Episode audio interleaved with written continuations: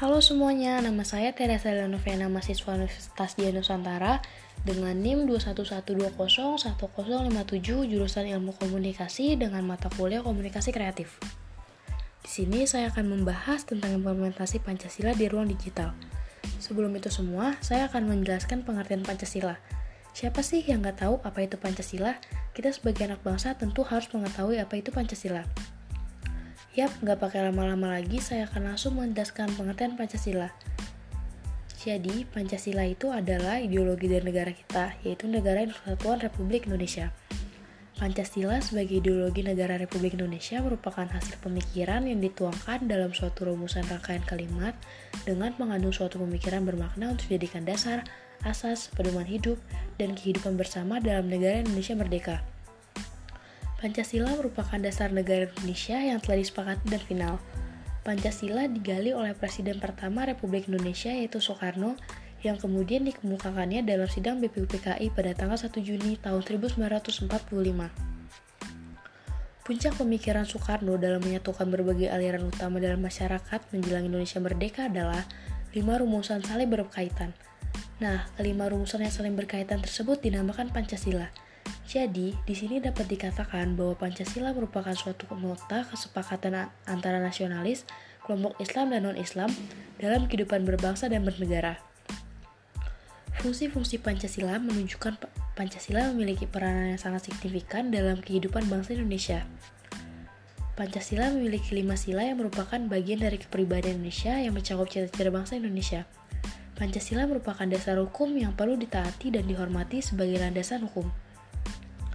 Nah, jadi sekarang kalian sudah paham kan apa itu Pancasila?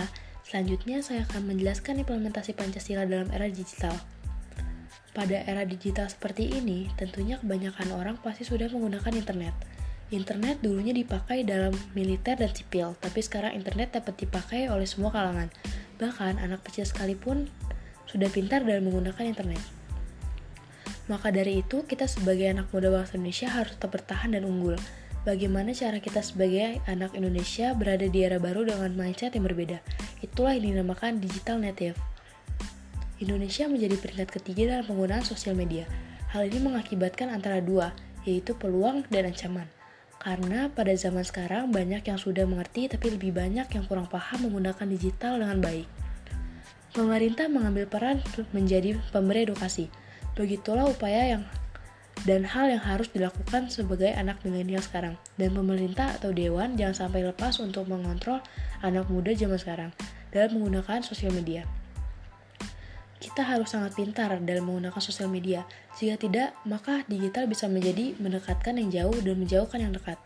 Konten-konten yang kita upload juga harus berpengaruh baik ke orang-orang yang menontonnya, agar kita bisa men-sharing hobi dan mengedukasi orang lain. Generasi milenial harus sadar dengan potensi yang dimiliki Indonesia, karena globalisasi jadi tantangan generasi muda saat ini. Maka dari itu, jika kita sebagai anak muda tidak hanya hafal sila Pancasila, tetapi memaknai dan melakukannya di setiap kegiatan kita. Jadi, kita memiliki fondasi agar takut jika melakukan hal yang menyimpang dari digital. Seperti sila pertama adalah sila ketuhanan yang Maha Esa. Sila pertama ini bisa kita lakukan seperti kita bisa membagikan segala hal yang berkaitan dengan agama, mengedukasi lewat sosial media, ataupun terjun langsung ke tempat yang di mana orang-orang mungkin masih kurang kepercayaannya dengan Tuhan dan perlu dibimbing. Sila kedua adalah kemanusiaan yang adil dan beradab. Kita bisa ikut serta merasakan care dan membantu jika sosial media ada kabar sedih seperti hal contohnya kejadian yang sudah lama terjadi di Australia, yaitu kebakaran yang mengakibatkan banyak binatang-binatang di sana musnah dengan cepat.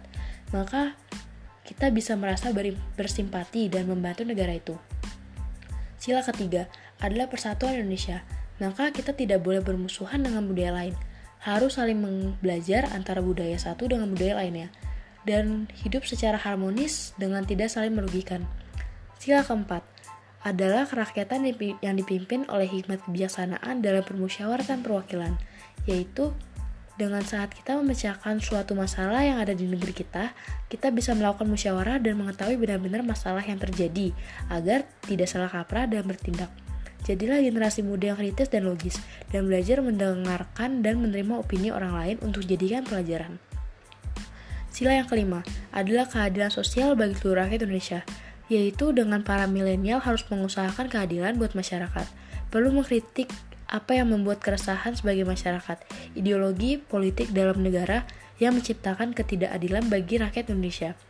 Maka dari itu, kita sebagai negara generasi milenial diharapkan bisa peka terhadap sekitar, menggunakan gadget dengan pintar, bersosialisasi dengan etika yang baik, dan tetap menerapkan nilai-nilai dari Pancasila agar kita tidak mudah terbelenggu dengan besarnya pengaruh budaya luar dan berambisi mengikuti sepenuhnya.